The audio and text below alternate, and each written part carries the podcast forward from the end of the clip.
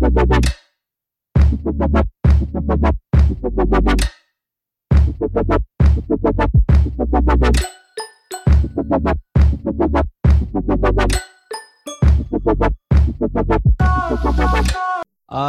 Assalamualaikum warahmatullahi wabarakatuh. Waalaikumsalam warahmatullahi wabarakatuh. Alhamdulillah. Sekarang podcast pahlawan kesiangan bertemu lagi dengan para pendengar setia baik itu di platform YouTube maupun di platform audio lainnya di Spotify, Apple Podcast, Google Podcast dan lainnya. Terima kasih untuk yang masih mendengarkan setia untuk kalian semoga tetap sehat, tetap semangat, dan tetap sejahtera. Oke, podcast pahlawan kesiangan kali ini kedatangan tamu istimewa. Kemarin sudah dikasih spoiler di media sosialnya Satria, di Instagram, di WhatsApp, di Facebook itu sudah dikasih spoiler siapa tamu um, yang akan datang kali ini. Tamu yang akan kali datang kali ini bukan yang akan datang sebenarnya sudah datang ini. Sudah Walaupun datang. masih datang online ya. ya. Tamu yang datang kali ini adalah tamu istimewa. Beliau adalah siapa? Saya akan persilahkan beliau langsung untuk memperkenalkan diri. Silahkan. Uh, baik, Assalamualaikum warahmatullahi wabarakatuh. Waalaikumsalam. Uh, untuk para pendengar podcast yang dinamakan Pahlawan Kesiangan. Iya.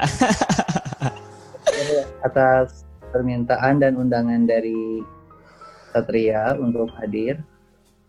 Saya pribadi nama lengkap Abdul Munim Amali.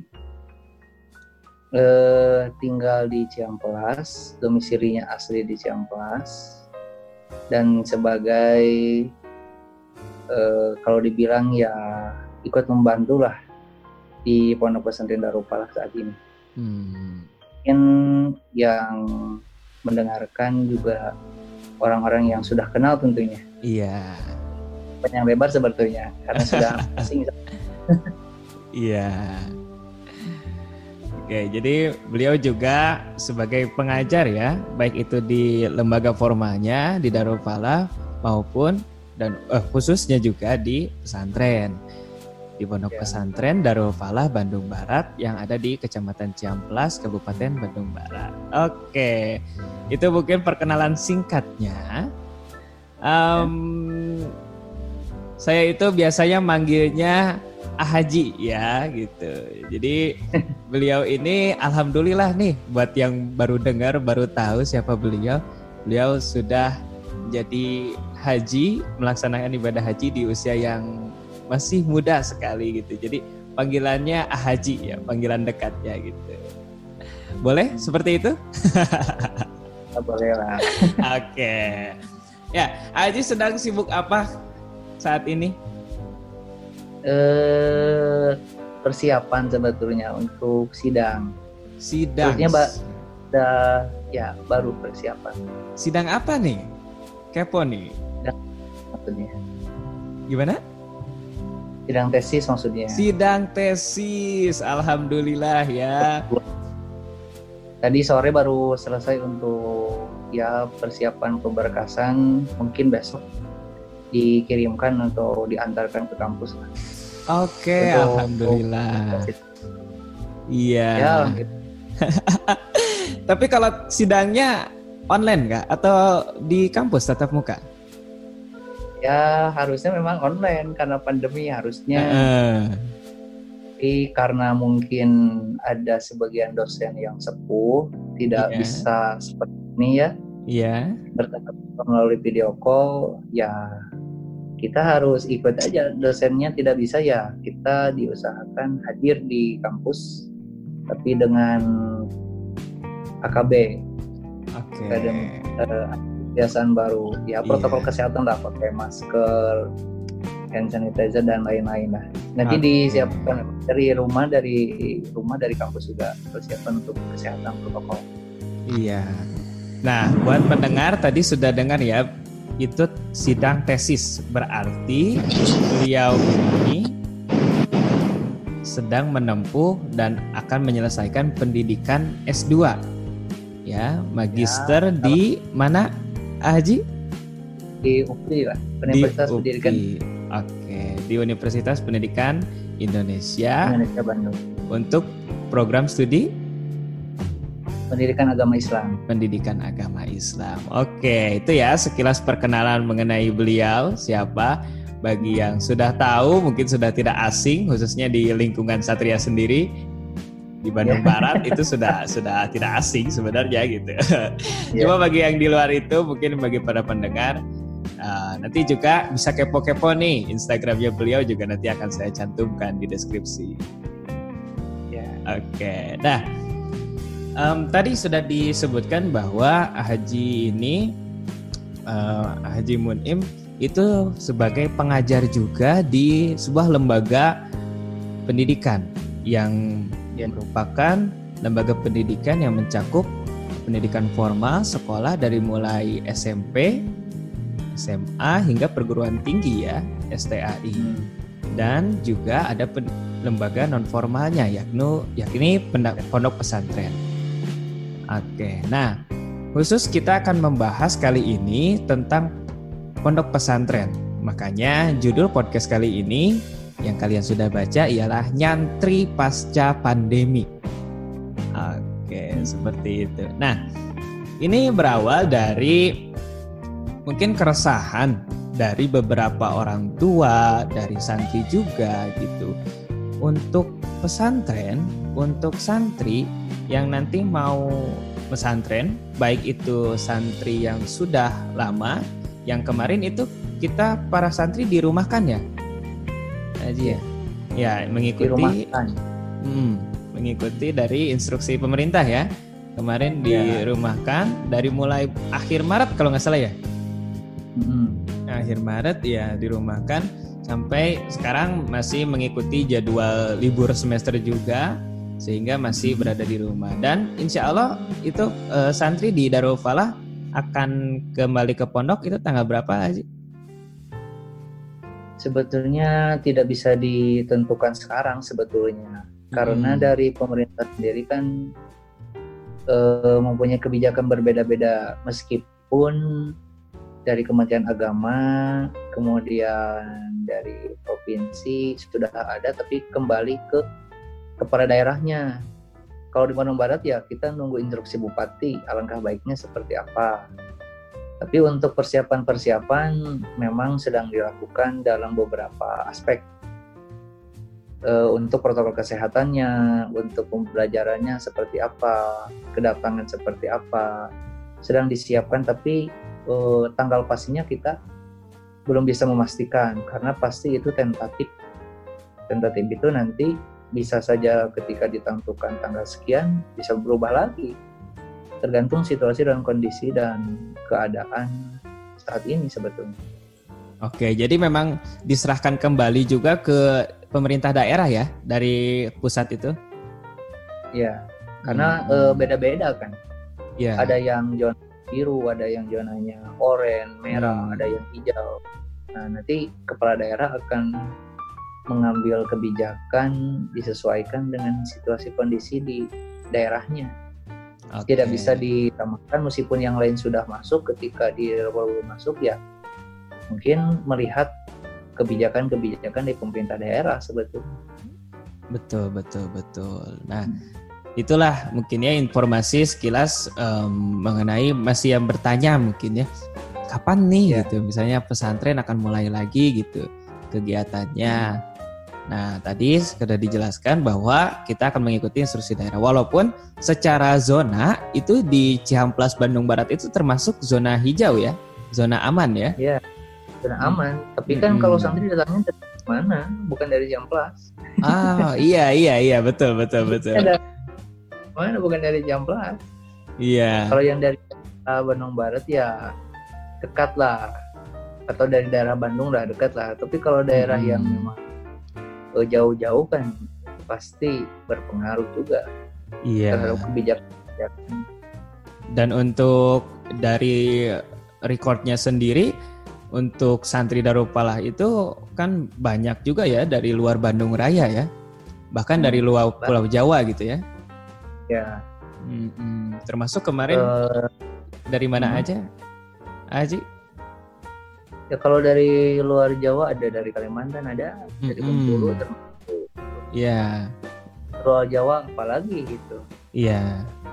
Nah, semua ketika dipulangkan kan harus dikarantina. Nah, hmm. kemungkinan ya kan ketika mereka harus kembali ke pondok mereka juga dikarantina ada yang dikarantina di bandara kalau pesawat ada yang hmm. dikarantina di pelabuhan kalau jalur laut iya gitu. iya mereka waktu pulang pun kemarin seperti itu kabarnya ya harus dikarantina hmm. dulu kan di daerahnya karantina dulu nah, dan mungkin sebaliknya nanti akan seperti itu gitu ya karena yeah. melalui perbatasan Nah, itu karena yang mereka lalui bukan hanya daerah asal mereka gitu ya.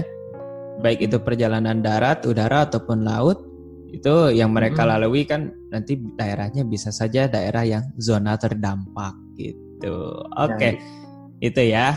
Nah, tapi kalau ya. misalnya semacam ada ada ini enggak?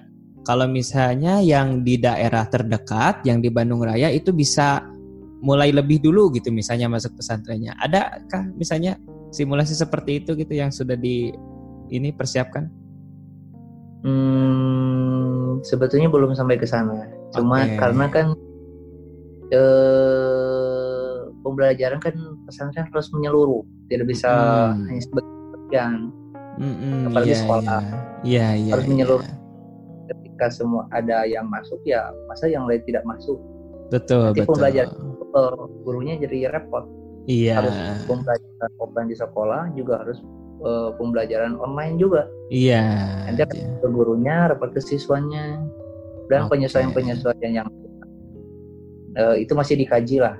Kita lebih yeah. baik melakukan persiapannya seperti apa, mm-hmm. melihat situasi kondisi dari kebijakan pemerintah daerah, provinsi dan pusat seperti apa kemudian kebijakan di lembaga sendiri baik di pondok pesantren di yayasan seperti apa mm-hmm. nanti kalau sudah menemukan jalan terang di kes, antara keseluruhan kebijakan kita ambil yang terbaik baru insya Allah nanti diinfokan sebetulnya okay. tahapan-tahapannya seperti apa masuknya bertahap atau tidak lebih dahulu daerah terdekat atau tidak nanti lebih jelasnya setelah pembahasan uh, di lembaga, kemudian melihat kebijakan dari kepala daerah, insya Allah diinfokan lebih jelasnya. Oke, baik. Ya, itu untuk masalah ini ya, jadwal masuknya ya. Nah, ya. oke.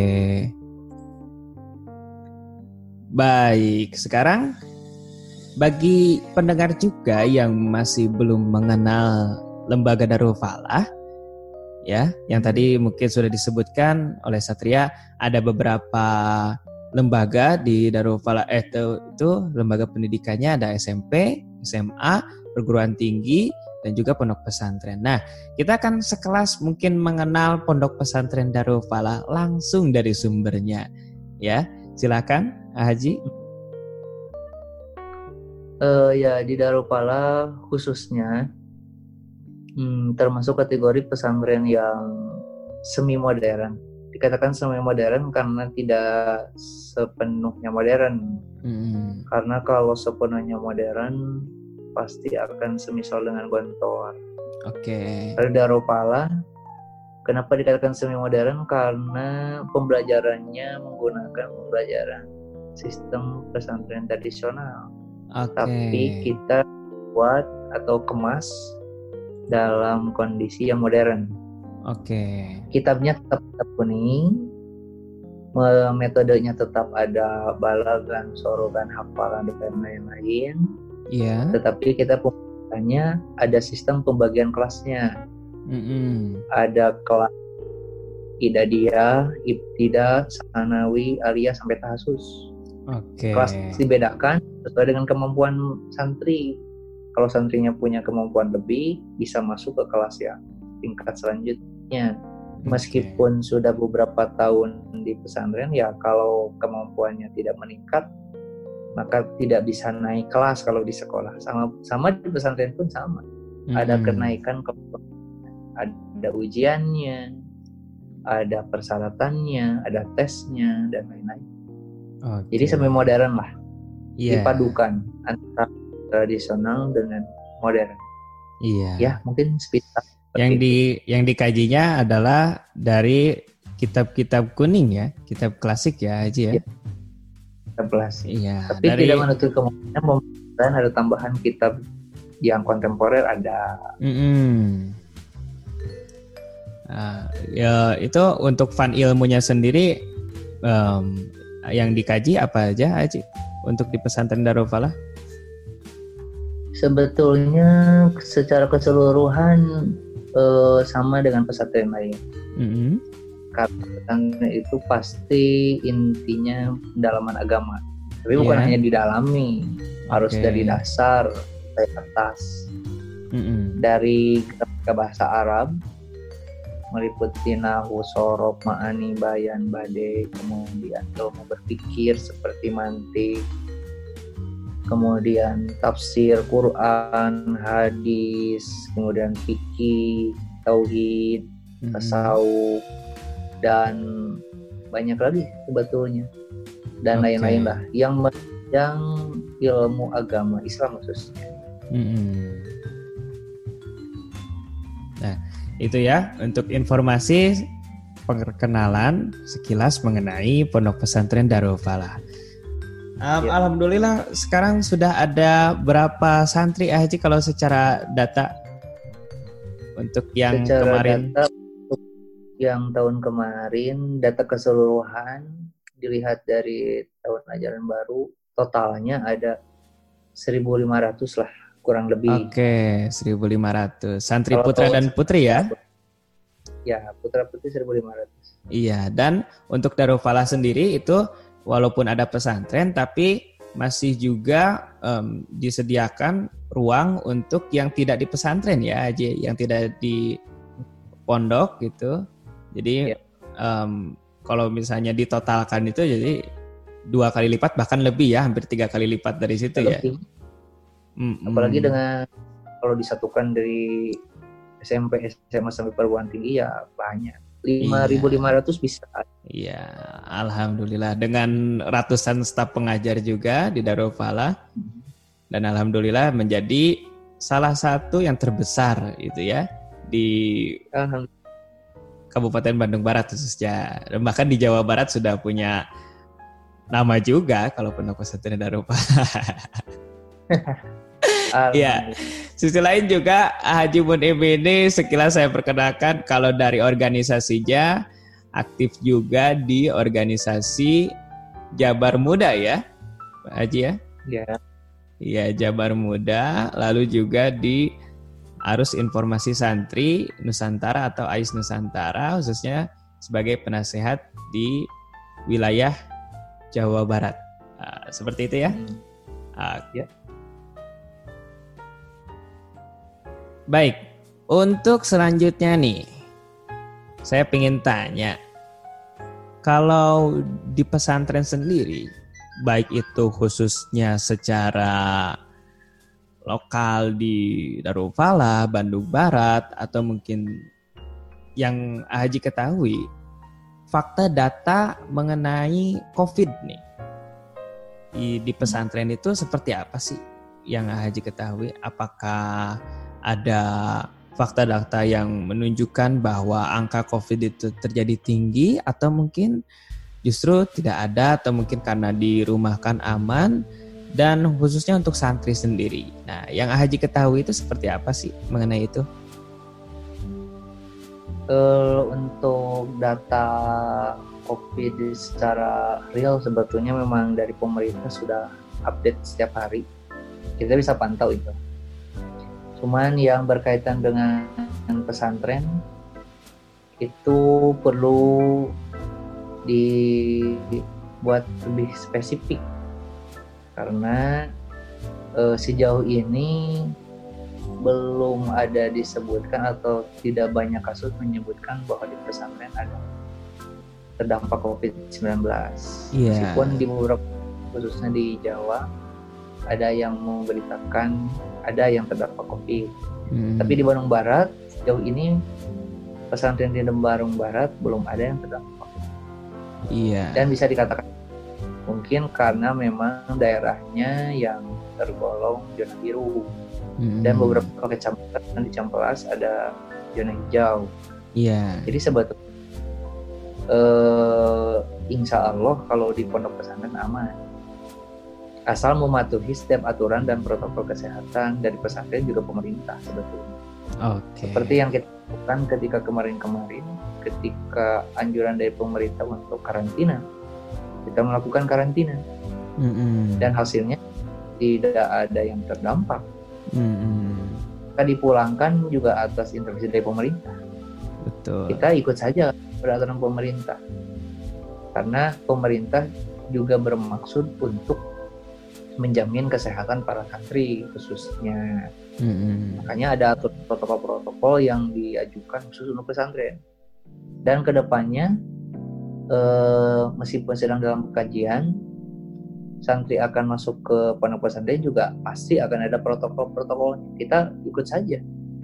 Kita patuhi saja protokol pemerintah. Harus seperti apa kita ikuti. Jangan hmm. seperti apa, patuhi saja. Iya, iya. Nah, itu tadi sudah disebutkan sedikit ya bahwa uh, oh ya tadi dulu kita bahas dulu mengenai fakta dan datanya yang kita ketahui dan Haji Muni khususnya ketahui bahwa minim sekali data yang terbuka dan diketahui oleh banyak orang juga mengenai santri khususnya atau pesantren yang terdampak gitu ya. Oleh karenanya mudah-mudahan ke depannya juga kita selalu aman ya, selalu tetap terjaga untuk masalah ini.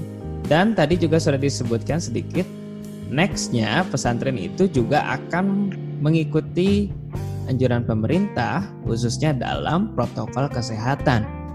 Nah, protokol kesehatan khususnya juga yang di Pondok Pesantren Darul Falah itu nanti akan seperti apa sih, Ah?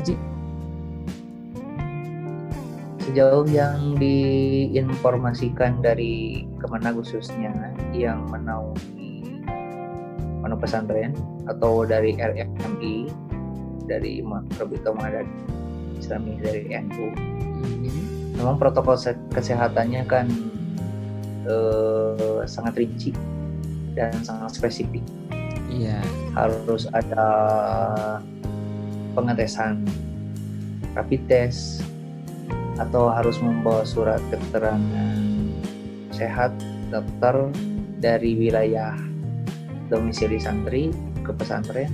Hmm. kemudian nanti di pondok pesantren akan disesuaikan. Dicek suhunya cuci tangannya kemudian kesehatannya olahraga dan lain-lain. Mungkin seperti yang jauh-jauh kita lakukan sebelumnya pada waktu karantina. Cuman akan lebih diperketat lah melihat eh, pandemi saat ini setiap hari dari pantauan pemerintah khususnya dari Kementerian Kesehatan terus naik satu ribu satu ribu satu hari. Hmm, hmm, iya. Tapi mudah-mudahan di pesan kalau mengikuti protokol kesehatan dari pemerintah juga atas bantuan pemerintah pesantren tidak mungkin uh, secara pribadi tiba-tiba mendatangkan santri tanpa ada pantauan pemerintah dan tanpa bantuan pemerintah untuk menyediakan protokol kesehatan di pesantren. Betul. Karena kalau pesantren sendiri keseluruhan santri yang ribuan, hmm. tentunya kesulitan. Iya. Makanya harus dibantu juga oleh pemerintah. Nah ini juga sebetulnya bisa menjadi masukan kepada pemerintah daerah khususnya hmm. supaya jangan hanya uh, memberikan sebuah instruksi harus hmm. A B C D tanpa ada bantuan pantauan atau dibarengi lah hmm. ketika datang ke pesantren diawasi diamankan disesuaikan dengan apa yang diinginkan oleh pemerintah karena yeah. kalau iya. pesantren sendiri tentunya kerepotan karena yang datang ke pesantren bukan dari daerah pesantren betul kalau dari Bandung Darupalah di Bandung Barat bukan dari Darupalah dari bukan di dari Darupalah bukan dari Bandung Barat saja pasti hmm. dari daerah lain, khususnya luar pulau akan datang. Nah, itu sih yang memang harus menjadi fokus ya. Karena seperti kita ketahui kalau sekolah mungkin di negeri sudah menerapkan zonasi gitu. Jadi memang siswanya ya. yang dekat-dekat dari sekolahnya. Lalu hmm. Yang pada umumnya pun yang tidak menerapkan zonasi itu kalau misalnya tidak ada pesantren pasti siswanya yang radius terdekat dari sekolahnya. Nah, yeah. tetapi kalau hmm. pesantren kan jangkauannya itu dan uh, walaupun hmm. tadi istilahnya di di zona pesantrennya itu aman, tetapi ada resiko karena santrinya itu berasal dari daerah lain gitu. Ataupun ketika daerah ya. santrinya aman, dia melewati jalur yang terdampak. Nah, itu yang mudah-mudahan jadi fokus perhatian juga ya oleh pemerintah khususnya bagi pesantren dan bukan hanya Darul Falah ya. Haji ya. Pesantren-pesantren ya, juga di daerahnya masing-masing oleh pemerintahnya. Baiklah seperti itu untuk um, nanti new normalnya pesantren ya. gitu. Walaupun pada dasarnya pesantren itu sudah menerapkan kehidupan bersih ya gitu. Santri apalagi dengan yeah. Iya. uh, sering berwudu gitu kan, tetap menjaga hmm. kebersihan ya. Dan mudah-mudahan sebenarnya kita selalu berharap pesantren menjadi tempat yang aman juga ya bagi para santri nantinya. Yeah. Itu mungkin aja ya. Ya. Yeah. Oke. Nah, um, untuk langsung kepada klimaksnya nih. Di mana dari ya. awal uh, masalahnya itu muncul dari mungkin keresahan orang tua dan keluarga santri nih. Baik itu santri yang lama ataupun calon santri nih. Apalagi calon santri nih yang belum tahu lapangan mungkin ya. Iya baru. Yang belum tahu kalau pesantren seperti apa. Itu takutnya ada wah muncul ini katanya. Jadi ada keparnoan Baik itu dari orang tua maupun keluarganya. Nah, untuk orang tua dan santri uh, sendiri nih mungkin ada yang bisa disampaikan oleh Ah Haji untuk hmm, istilahnya menjawab keresahan-keresahan yang mungkin itu ditanyakan ataupun tidak gitu. Baik itu cuma perasaannya saja dari orang tua Nah, mudah-mudahan Aji bisa memberikan pesan nih, bagaimana sih nanti kalau misalnya orang tua itu menitipkan anaknya di pesantren dan para santri itu seperti apa nih? Khususnya juga untuk calon santri baru. Oke, silakan Haji. Ke pesan yang pertama sebetulnya perlu sebelum datang ke pesantren memang mengecek dulu kesehatan uh, bukan hanya santri baru sebetulnya seluruh santri akan ke pondok pesantren mengecek dulu kesehatannya. Makanya mungkin nanti untuk santri yang datang ke pondok pesantren harus membawa surat keterangan sehat. Mm-hmm. Baik dari dokter, puskesmas, pokoknya dari pengecekan lah kesehatannya sehat dalam COVID atau tidak. Kalau sakit biasa bukan COVID ya itu dimaklumi. Mm-hmm. Yang penting kita mengikuti anjuran pemerintah. Jangan ada yang COVID ya berarti pengecekan untuk COVID lah mm-hmm. atau sehat lagi bukan COVID lah membawa surat keterangan sendiri ke pondok pesantren nanti yeah. mungkin ada pengurus yang mengecek wah iya ini benar ya sehat tidak COVID bisa masuk mm-hmm. tapi dengan badannya dicek dan lain-lain nah kalau sudah membawa surat pengecekan seperti itu mungkin nanti kan berarti bisa dipastikan yang datang ke pondok pesantren dalam keadaan sehat. Nah, Betul. Nah, kalau sudah dalam keadaan sehat ke pondok pesantren, mungkin kita bisa mengatur di sana. Berarti kalau sudah di pesantren, kita bisa dikarantina saja. Mm -hmm. Tuh, cuman mungkin eh, karantinanya seperti apa, nanti kita perlu pendalaman lebih lanjut. Mm -hmm. Seperti yang sudah dilakukan santri tidak boleh keluar di lingkungan pondok pesantren. Iya. Hanya terus berkegiatan di lingkungan pesantren supaya tidak ke mana-mana. Betul. Kalau santrinya keluar ke mana-mana kan pasti bertemu dengan orang lain, berinteraksi dengan orang lain, gitu. Atau hmm. eh, macam-macam lah. Kalau di lingkungan pondok pesantren karena ditutup, otomatis orang lain tidak berinteraksi dengan santri, santri pun tidak berinteraksi dengan orang lain. Kemungkinan untuk terdampak COVID bisa lebih kecil. Iya, iya. Makanya mungkin nanti setelah masuk ke pondok pesantren seluruhnya, maka akan dikarantina sebagaimana yang dilakukan sebelum-sebelumnya. Itu akan lebih meminimalisir sebetulnya. Jadi tidak akan dibuka untuk meminimalisir terdampaknya COVID-19 kecuali oleh pemerintah daerah eh, dipantau. Dipantau itu ternyata di Ciampelas misalnya di Darupala setelah eh, dikarantina satu minggu santri seluruhnya zonanya tetap hijau. Berarti sehat. Hmm. baru mungkin nanti kan oleh pemerintah daerah boleh dibuka ya kita buka. Kalau dari pemerintah daerah tidak diinstruksi untuk dibuka ya kita tidak dibuka. Mengikuti hmm. saja.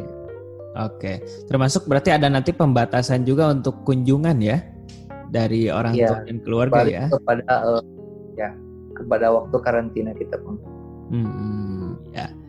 Oke seperti itu ya. Satu untuk uh, tadi pes, uh, pesan mengenai cek kesehatan lalu nanti juga ada karantina dari pihak pesantren. Ada lagi ya Haji untuk pesannya? Mungkin menjawab ketakutan orang tua selain itu? Sebetulnya sudah cukup, cuman ya hmm. itu ke, ke santri dan orang tuanya. Iya. Apalagi santri baru. Kalau santri baru kan, apalagi ketika pandemi seperti ini, pasti akan timbul permasalahan baru. Rasa tidak betah itu akan muncul lebih cepat dan lebih dalam sebetulnya. Oh iya iya. Untuk santri baru ketika jauh dari orang tua di masa pandemi jarang ditengok mm-hmm. komunikasi terbatas karena kan kita tidak boleh membawa alat elektronik. Mm-hmm, betul. Nah itu betul. orang tua perlu punya kesadaran, eh punya kesabaran lebih, punya kepercayaan lebih ke pondok pesantren dan santri pun baik santri baru maupun santri lama harus siap di pondok pesantren tanpa keluar lingkungan pondok pesantren. Nah itu harus siap, harus sabar, siap mentalnya. Ketika dia sudah masuk pondok pesantren, dia tidak diperbolehkan untuk keluar di pondok pesantren. Dan orang tua perlu meningkatkan kesabaran, kepercayaan kepada pondok pesantren dalam menjaga anak-anaknya di masa pandemi COVID-19 ini. Iya, iya. Gitu. Nah, itu kan jadi sebenarnya ada um, bukan hanya orang tua eh, bukan hanya santrinya saja sebenarnya yang harus betah ya, yang harus iya. disiplin, ya, tapi juga ada sinkron juga dengan orang tua ya, Haji ya. Dengan keluarga. Hmm. Hmm. Karena um, orang tua memang harus sabar nanti ketika hmm, anaknya di pesantren gitu. Bahkan sebelum pandemi pun orang tua memang harus seperti itu ya. Kadang ada ya. orang tua itu yang sampai mungkin berlebihan ke rasa ketakutannya, mungkin takut anak saya nggak ini, takut anak saya nggak bisa makan. Mungkin ada, saya masih mendengar ada. tuh kayak waktu itu ya. Tiap tahun ada yang seperti itu. Hmm, jadi sampai tiap hari itu ditengok gitu ya. hmm itu karena ketakutan. sampai ke pandemi ini ada yang seperti itu. Mm-hmm. kita harus mengikuti aturan-aturan yang memang disediakan pemerintah aturan-aturan yang disediakan oleh pondok pesantren oleh lembaga. Kalau kita tidak mengikuti atau melanggar atau seenaknya saja lah itu akan mengganggu sistem mm-hmm. yang ada. Betul. Itu akan mengganggu uh, rutinitas yang ada yeah. nanti akan kecemburuan sosial dan lain-lain lah banyaklah hmm. pengaruh negatif maka perlu kesadaran dari para orang tua khususnya bahwa pondok pesantren tidak mungkin menginginkan anak didiknya yang dititipkan ke pondok pesantren pertama tidak sehat hmm. kedua melakukan sesuatu yang tidak baik apalagi melanggar aturan kalau ternyata uh, salah satu salah satu santri yang dititipkan ternyata ada dalam keadaan tidak sehat, itu pasti akan dibawa ke dokter. Hmm. Kalau ternyata parah, kita panggil orang tuanya. Itu sifatnya darurat diperbolehkan. Atau santri melakukan tindakan kejelekan misalnya di mana pesantren menyuruh santri berbuat kejelekan? Betul. Tidak ada tidak mungkin. Maka bukan salah pesantrennya kembali lagi kepada anaknya. Hmm. nah itu kalau misalnya sudah dipahami hal seperti itu orang tua sebetulnya harus meningkatkan kesabaran uh, dan kepercayaan kepada pesantren sebetulnya.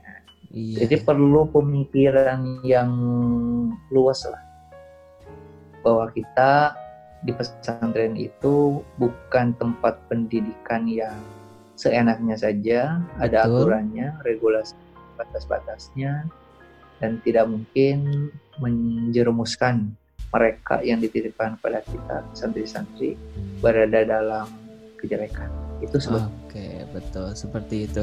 Jadi pandemi ini sebenarnya membuat santri harus lebih disiplin, orang tua dan keluarga harus lebih sabar ya. Iya. Yeah. Oke. Dan juga para santri nih nanti kalau misalnya pihak pesantren membuat aturan yang lebih ketat, kedisiplinan yang lebih itu jangan sampai jadi alasan untuk nggak betah tadi ya.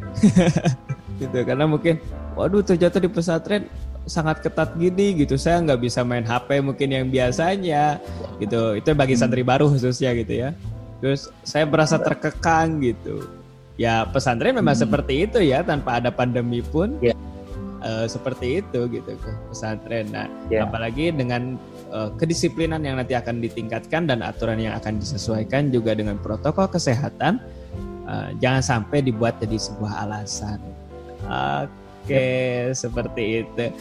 Ada lagi yang mungkin yang belum Satria tanyakan yang ingin disampaikan oleh Ah Haji? Cukup lah. Cukup ya. Sudah jelas.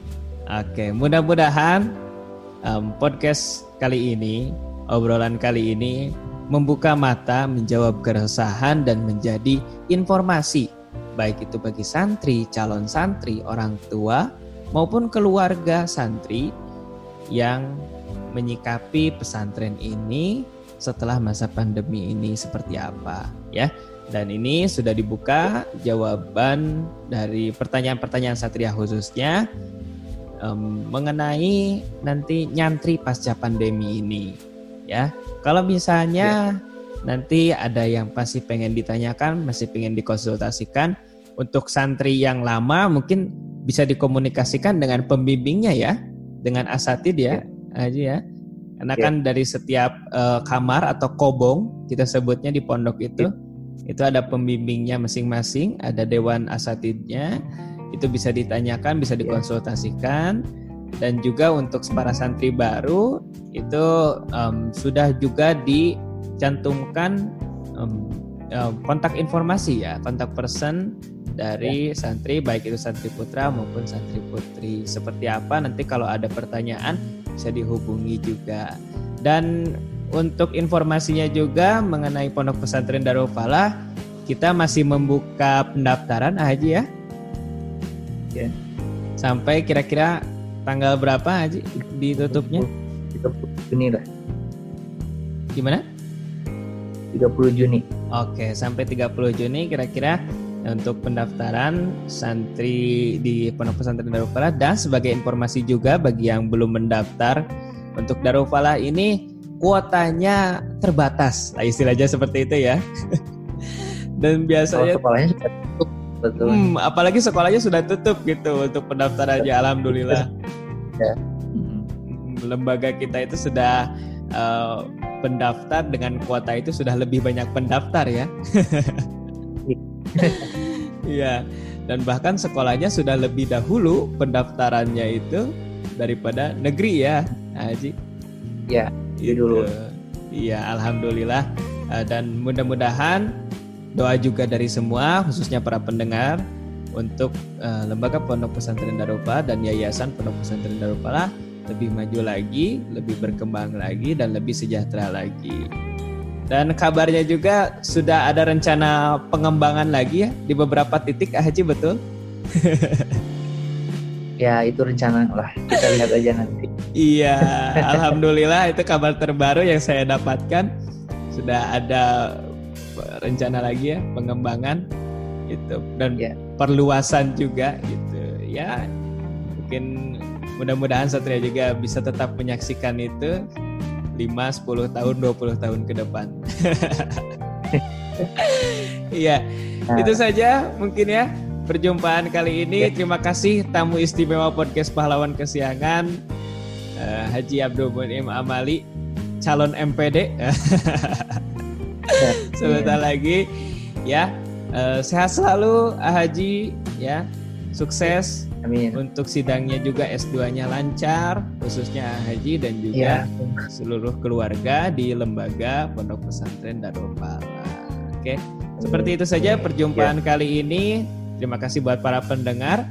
Untuk next kita akan ketemu lagi dengan tamu-tamu yang luar biasa, pembahasan-pembahasan juga yang mungkin nanti Anda bisa dapat ilmu dan manfaat dari situ. Mudah-mudahan, amin. Saya selalu untuk semua. Tetap produktif, Wassalamualaikum warahmatullahi wabarakatuh.